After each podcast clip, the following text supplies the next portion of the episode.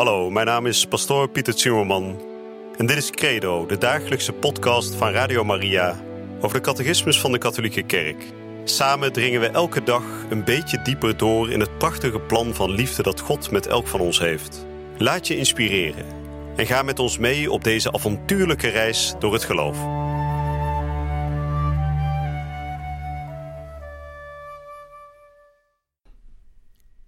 Vrienden, we zijn weer bij u terug met een nieuwe uitzending van Credo, de dagelijkse Radio Maria podcast, waarin we inmiddels in de catechismus aanbeland zijn bij God als schepper. We hebben al wezenlijke dingen daarover gezegd. God is goed en zijn schepping is daarom ook goed. Hij heeft zijn goedheid in zijn schepping gelegd. Hij heeft zijn goedheid op een bepaalde manier geordend en we gaan daar vandaag nog wat meer over spreken. We hebben namelijk de afgelopen dagen gehoord dat God zijn schepping heeft gemaakt op een heel welbepaalde manier en dat hij zijn schepping tot voltooiing aan het brengen is door zijn voorzienigheid. Dat betekent dat de schepping nog niet is zoals die hoort te zijn eigenlijk. De schepping is onderweg. En zoals we in het Latijn hadden gehoord, in statu vie, dus hij is op pad om voltooid te worden. En hoe brengt God zijn schepping tot voltooiing? Dat doet hij door de voorzienigheid. En daar gaan we vandaag over spreken. En voordat we daarover gaan spreken, zullen we eerst weer, zoals gebruikelijk, een kort gebed bidden. en daarna zal ik gaan behandelen de nummers 304 tot en met 308. In de naam van de Vader en de Zoon en de Heilige Geest.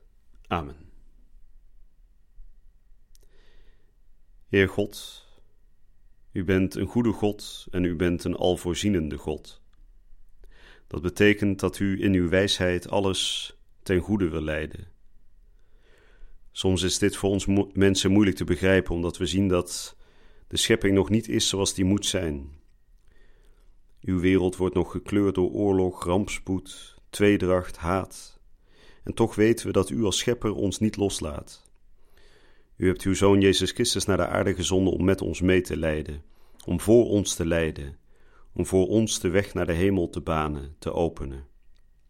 We willen vragen dat veel mensen langs de weg van het doopsel, langs de weg van de bekering, langs de weg van het dagelijks opnemen van het kruis, hun weg terugvinden naar U, om ooit bij U voor altijd thuis te zijn. Amen. De nummers 304 tot en met 308. Zo zien we de Heilige Geest, de belangrijkste auteur van de Heilige Schrift, vaak handelingen aan God toeschrijven zonder tweede oorzaken te vermelden. En dat is niet een primitieve manier van spreken, maar een diepzinnige manier om Gods primaatschap en absolute heerschappij over geschiedenis en wereld in herinnering te roepen, en zo op te voeden tot vertrouwen in Hem. Het psalmgebed is de grote school van dit vertrouwen. Jezus vraagt een kinderlijke overgave aan de voorzienigheid van de Hemelse Vader, die zorgt voor de kleinste noden van zijn kinderen. Maakt u dus geen zorgen over de vraag: wat zullen we eten of wat zullen we drinken? Uw Hemelse Vader weet wel dat gij al deze dingen nodig hebt. Maar zoek eerst het koninkrijk en zijn gerechtigheid dan zal dat alles u erbij gegeven worden. De voorzienigheid en de tweede oorzaken. God is de soevereine meester van zijn helsplan. Maar om dit te verwezenlijken, bedient hij zich ook van de medewerking van zijn schepselen. Dit is geen teken van de zwakheid, maar van de grootheid en de goedheid van de Almachtige God.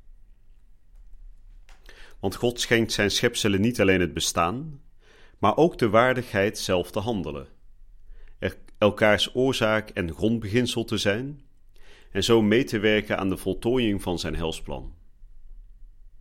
God staat het de mensen zelfs toe vrijelijk deel te hebben aan zijn voorzienigheid, door hen de verantwoordelijkheid toe te vertrouwen de aarde te onderwerpen en haar te beheersen. God vertrouwde de mens ook toe een intelligente en vrije oorzaak te zijn, om het werk van de schepping te voltooien en de harmonie ervan te vervolmaken, ten bate van het eigen welzijn en dat van de naaste. als medewerkers vaak onbewust van de goddelijke wil, kunnen de mensen wel bewust deelnemen aan het goddelijk helsplan door hun handelen, door hun gebed, maar ook door hun lijden.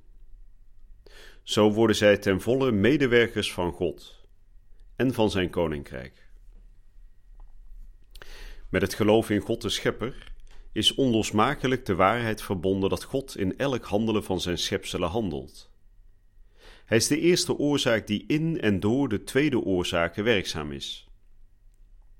God is het immers die zowel het willen als het doen bij u tot stand brengt, om zijn helsplan te verwezenlijken. Door deze waarheid wordt de waardigheid van het schepsel verre van verminderd, integendeel, ze verleent haar meer luister. Door de macht, de wijsheid en de goedheid van God uit het niet geschapen, kan het schepsel niets. Als het van zijn oorsprong is afgesneden. Want zonder de schepper verzinkt het schepsel in het niet. En nog minder kan het zijn uiteindelijk doel bereiken zonder de hulp van de genade. Dat waren de nummers 304 tot en met 308. Nou, waar uh, hebben we net over gesproken? Er wordt uh, door de catechismus een onderscheid gemaakt tussen de eerste oorzaak en de tweede oorzaken. Misschien een beetje technisch verwoord, maar toch belangrijk om er even bij stil te staan. Catechismus zegt: God is de eerste oorzaak van alles wat er bestaat. En we zien dat hij ook als eerste oorzaak van alles, hè, dus het grondbeginsel van alles wat er bestaat, ook heel vaak handelt. Hè. We horen dat vaak terug in de Bijbel.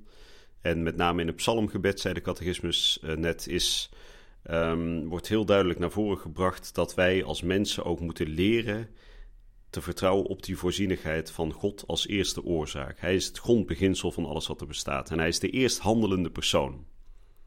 en door het bidden van de psalmen, zegt de catechismus, kunnen we in dat vertrouwen groeien.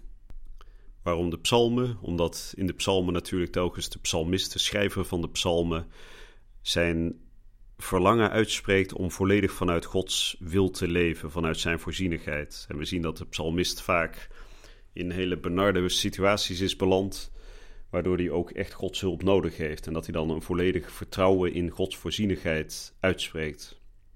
En uiteraard is niet alleen het bidden van de psalmen uh, goed daarin. Het geldt voor elk gebed, hè, dat geldt ook voor elk offertje dat we brengen in de naam van Christus. Dus alles kan ons helpen, ook ons lijden kan ons helpen om steeds meer vanuit die voorzienigheid te gaan leven, steeds meer God als eerste oorzaak van alles te erkennen. Maar dan spreekt de catechismus vervolgens ook over de voorzienigheid en de tweede oorzaken.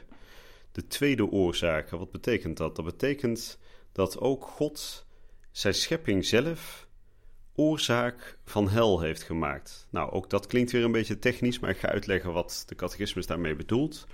Ook u en ik, ook wij zijn oorzaken geworden van de verlossing. Daar bedoelt de catechismus mee dat op het moment dat wij mee gaan werken met Gods handelen, hè, met zijn wil, en dat doen we bijvoorbeeld elke keer als we het onze Vader bidden, dan bidden we uw wil geschieden op aarde. Dus dan zijn we actief aan het meewerken dat Gods wil mag geschieden in ons leven, maar ook in het leven van heel de wereld.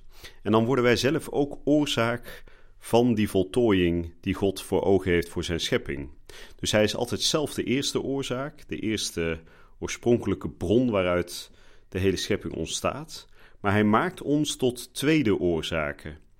Dan zegt de catechismus heel mooi: dat betekent niet dat wij daardoor op een lager plan komen te staan, hè, een soort um, hè, de tweede plek, een soort uh, onbeduidende plek. Nee, het is juist dat het ons menselijk wezen of ons, ons geschapen zijn juist verheft, juist groter maakt. God die heeft zoveel liefde voor zijn eigen schepping en hij heeft die schepping zo groot gemaakt dat hij zelfs die schepping laat helpen bij het tot stand brengen van de verlossing. Nou, de catechismus zegt ook hoe dat werkt. Hè? Uh, bijvoorbeeld, het, het, het, meest eenvoudige voorbeeld is Genesis wanneer uh, God Adam en Eva heeft geschapen. En dan geeft hij de aarde aan Adam en Eva om te onderwerpen en te beheersen. En dan worden alle dieren tot Adam en Eva geleid om ze allemaal een naam te geven. Maar blijkbaar heeft hij dus ook zeggenschap aan de mens gegeven om de aarde te onderwerpen en te beheersen. We moeten dat uiteraard altijd doen in overeenstemming met dat plan van God, met de eerste oorzaak. We kunnen nooit een eigen plan gaan bedenken wat losstaat van dat van God. Dus we moeten altijd meewerken aan zijn wil, aan zijn hel. Maar hij heeft ons wel een autonomie gegeven. Hij heeft ons wel daarin um, zeggenschap gegeven om daar zelf ook keuzes in te kunnen maken en te kunnen, in te kunnen handelen. En dat is dus blijkbaar een hele verheven roeping die wij van God hebben ontvangen.